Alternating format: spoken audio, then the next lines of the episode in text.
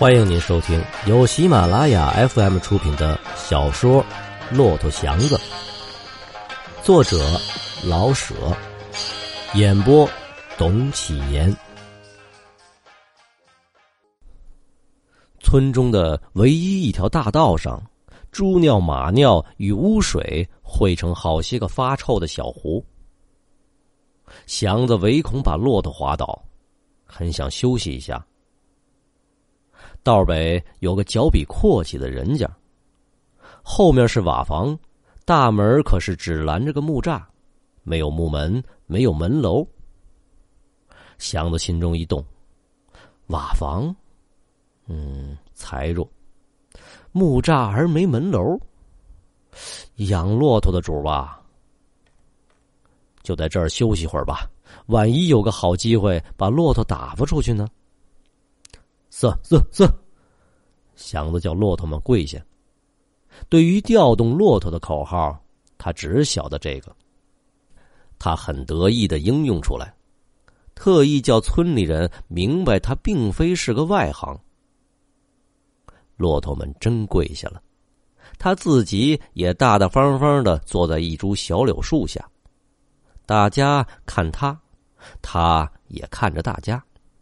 他知道，只有这样才足以减少村人的怀疑。坐了一会儿，院中出来个老者，蓝布小褂，敞着怀，脸上很亮，一看便知道是乡下的财主。祥子打定了主意：“大爷，水现成的吧？喝完。”老者的手在胸前搓着泥卷。打量了祥子一眼，细细看了看三匹骆驼。哦，有水，哪儿来的呀？西边。祥子不敢说地名，因为也不准知道。西边有兵啊！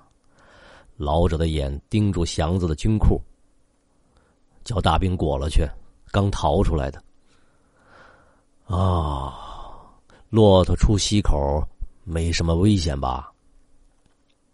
兵都进了山，路上挺安全的。嗯，老者慢慢点着头。你等等，我给你拿水去。祥子跟着进去，到了院中，他看见了四匹骆驼。大爷，留下我的三匹，凑一板吧。一板倒退三十年的话，我有过三板儿。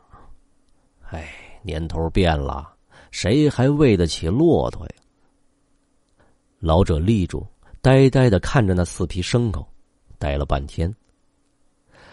前几天，本想和街坊搭伙把他们送到口外去放青这东也闹兵，西也闹兵，谁敢走啊？哎，在家里拉下巴，看着就心焦啊！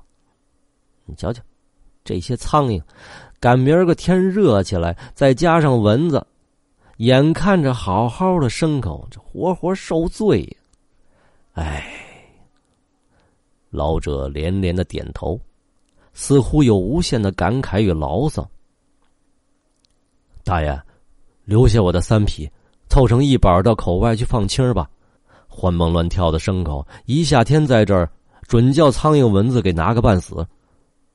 想的几乎是央求了。可是谁有钱买呢？这年头，那不是养骆驼的年头了。留下吧，您，给多少是多少。我把他们出了手，好到城里谋生去。老者又细细看了祥子一番。觉得他绝不是个匪类，然后回头看了看门外的牲口，心中似乎是真喜欢那三匹骆驼。明知买到手中并没什么好处，可是就像爱书的人见书就想买，养马的见了马就舍不得，有过三板骆驼的也是如此吧。况且祥子说可以贱卖呢。懂行的人得到便宜，就容易忘掉东西买到手中有没有好处了。小伙子，我要是钱富裕的话呀，是真想留下。老者说了实话。干脆您就留下吧，瞧着办得了。想的是那么诚恳，弄得老者有点不好意思了。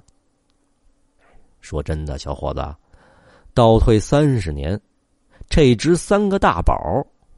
现在的年头啊，哎，又搭上兵荒马乱，我，哎，你还是到别处吆喝吆喝去得了。您给多少是多少，祥子想不出别的话。他明白老者的话很实在，可是不愿意满世界去卖骆驼，卖不出去，也许还出了别的毛病呢。哎，你看这这二三十块钱还真不好说出口来呢，可是还真不容易往外拿呢。你说这年头，没法子呀。祥子心中凉了些，二三十块，离买车还差得远呢。可是，第一，祥子想赶紧把骆驼卖了；第二，不相信能这么巧再遇上个买主。大爷，您给多少是多少。你是干什么的，小伙子？看得出，你不是干这行的。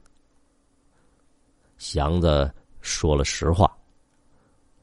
哦，感情你是拿命换出来的这些牲口。老者很同情祥子，而且放了心，这不是偷出来的，虽然和偷也差不远，可是究竟中间还隔着层大冰啊！冰灾之后，什么事儿都不能按常理说了。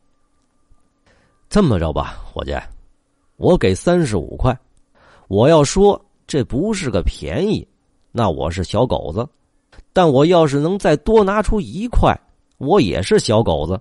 哎我今年六十多了，还叫我说什么好呢？祥子没了主意。对于钱，他向来是不肯放松一个的。可是，在军队里这些日子，忽然听到老者这番诚恳而带有感情的话，他不好意思再争论了。况且，可以拿到手的三十五块现洋，似乎比希望中的一万块更可靠。虽然一条命只换来三十五块钱，的确是少了一些。就单说这三条大活骆驼，不能也绝不能只值三十五块大洋啊。可是，有什么法儿呢？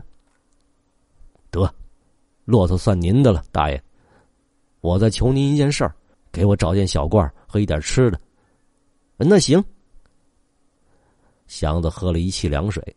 然后拿着三十五块很亮的现洋，两个棒子面饼子，穿着将将护到胸际的一件破小白褂，要一步迈到城里去。听众朋友，您正在收听的是由喜马拉雅 FM 出品的《骆驼祥子》。祥子在海淀一家小店里躺了三天。身上忽冷忽热，心中迷迷糊糊，牙床上起了一溜紫泡，只想喝水，不想吃什么。饿了三天，火气降下去，身上软的像橡皮糖似的。恐怕就是在这三天里，他与三匹骆驼的关系由梦话或胡话，被人家听了去。一清醒过来。他已经是骆驼祥子了。自从一到城里来，他就是祥子，仿佛根本没有个姓儿。如今，骆驼摆在祥子之上，就更没有人关心他到底姓什么了。有姓无姓，他自己也并不在乎。不过，三条牲口才换了那么几块钱，而自己倒落下了个外号。他觉得有点不大上算，刚能挣扎着立起来，他想出去看看，没想到自己的腿能会这样的不吃力。走到小店门口，他一软就坐在了地上，昏昏沉沉的坐了好大半天，头上见了凉汗，又忍了一会儿，他睁开了眼，肚中响了一阵儿，觉出点饿来。极慢的，他立了起来，找到了个馄饨挑要了碗馄饨。他仍然坐在地上，抿了口汤，觉得恶心，在口中含了半天，勉强的咽下去，不想再喝了。可是待了一会儿，热汤像股线儿似的，一直通到腹部，打了两个嗝，他知道自己又有了命。肚中有了点食，他顾得看看自己了，身上瘦了许多，那条破裤子已经脏的不能再脏。他懒得动，可是要马上恢复他的干净利落，他不肯就这么神头鬼脸的进城去。不过要干净利落就得花钱，剃剃头、换换衣服、买鞋袜都得要钱。手中的三十五块钱。应当一个不动，连一个不动还离买车的数很远呢。可是，他可怜了自己。虽然被兵们拉去不多的日子，到现在一想，一切都像个噩梦啊。这个噩梦使他老了许多，好像他忽然的一气增多了好几岁。看着自己的大手大脚，明明是自己的。可是又像忽然由什么地方找到的，他不敢想过去的那些委屈和危险，虽然不去想，可依然存在，就好像连阴天的时候不去看天也知道天是黑的。他觉得自己的身体是特别的可爱，不应当再自苦了。他立起来，明知道身上还很软。可是刻不容缓的想去打扮打扮，仿佛只要剃剃头、换件衣服，他就能立刻强壮起来似的。打扮好了，一共才花了两块二毛钱，近似唐布的一身本色粗布裤褂一元，青布鞋八毛，线皮织成的袜子一毛五，还有顶两毛五的草帽。脱下来的破东西，换了两包火柴。拿了两包火柴，顺着大道，他往西直门走。没走出多远，他就觉出软弱疲乏来了。可是他咬上了牙，他不能坐车，从哪方面看也不能坐车。一个乡下人拿十里八里还能当做道吗？况且自己是拉车的。这且不提，以自己的身量力气而被这小小的一点病拿住。笑话，除非一跤栽倒，再也爬不起来，他满地滚也得滚进城去，绝不服软。今天要是走不进城去，他想，祥子便算完了。他只相信自己的身体，不管有什么病。晃晃悠悠的，他放开了步，走出海淀不远，他眼前起了金星。扶着棵柳树，顶了半天神儿。天旋地转的闹晃了会儿，他始终没肯坐下。天地的旋转慢慢的平静起来，他的心好似由老远又落回到自己的心口里。擦擦头上的汗，他又迈开了步。已经剃了头，换上新衣新鞋。他以为这就十分对得起自己了，那么腿得尽他的责任。走，一气儿他走到了官乡，看见了人马的忙活，听见了复杂刺耳的声音，闻见了干臭的味道，踏上了细软污浊的灰土。祥子想爬下去闻一闻那个灰臭的地，可爱的地，生长洋钱的地，没有父母兄弟。没有本家亲戚，他的唯一的朋友是这座古城。这座城给了他一切，就是在这里饿着也比乡下可爱。这里有的看，有的听，到处是光色，到处是声音。自己只要肯卖力气，这里还有数不清的钱，吃不尽、穿不完的万样好东西。在这里要饭也能要到荤汤辣水的，而乡下只有棒子面。才到高楞桥西边，他坐在河岸上落了几滴热泪。太阳平息了，河上的老柳歪歪的，梢头挂着点金光。河里没有多少水，可是长着不少的绿藻，像一条油腻的长绿带子，窄长深绿，发出些微腥的潮味儿。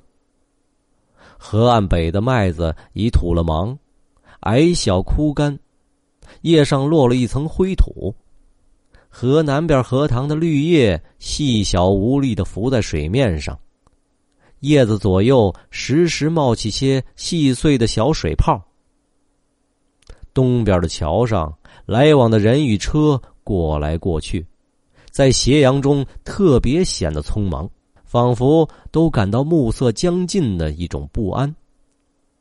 这些在祥子的眼中、耳中，都非常的有趣与可爱。只有这样的小河，仿佛才能算是河。这样的树、麦子、荷叶、桥梁，才能算是树、麦子、荷叶与桥梁，因为它们都属于北平。听众朋友，本集播讲完毕，感谢您的收听。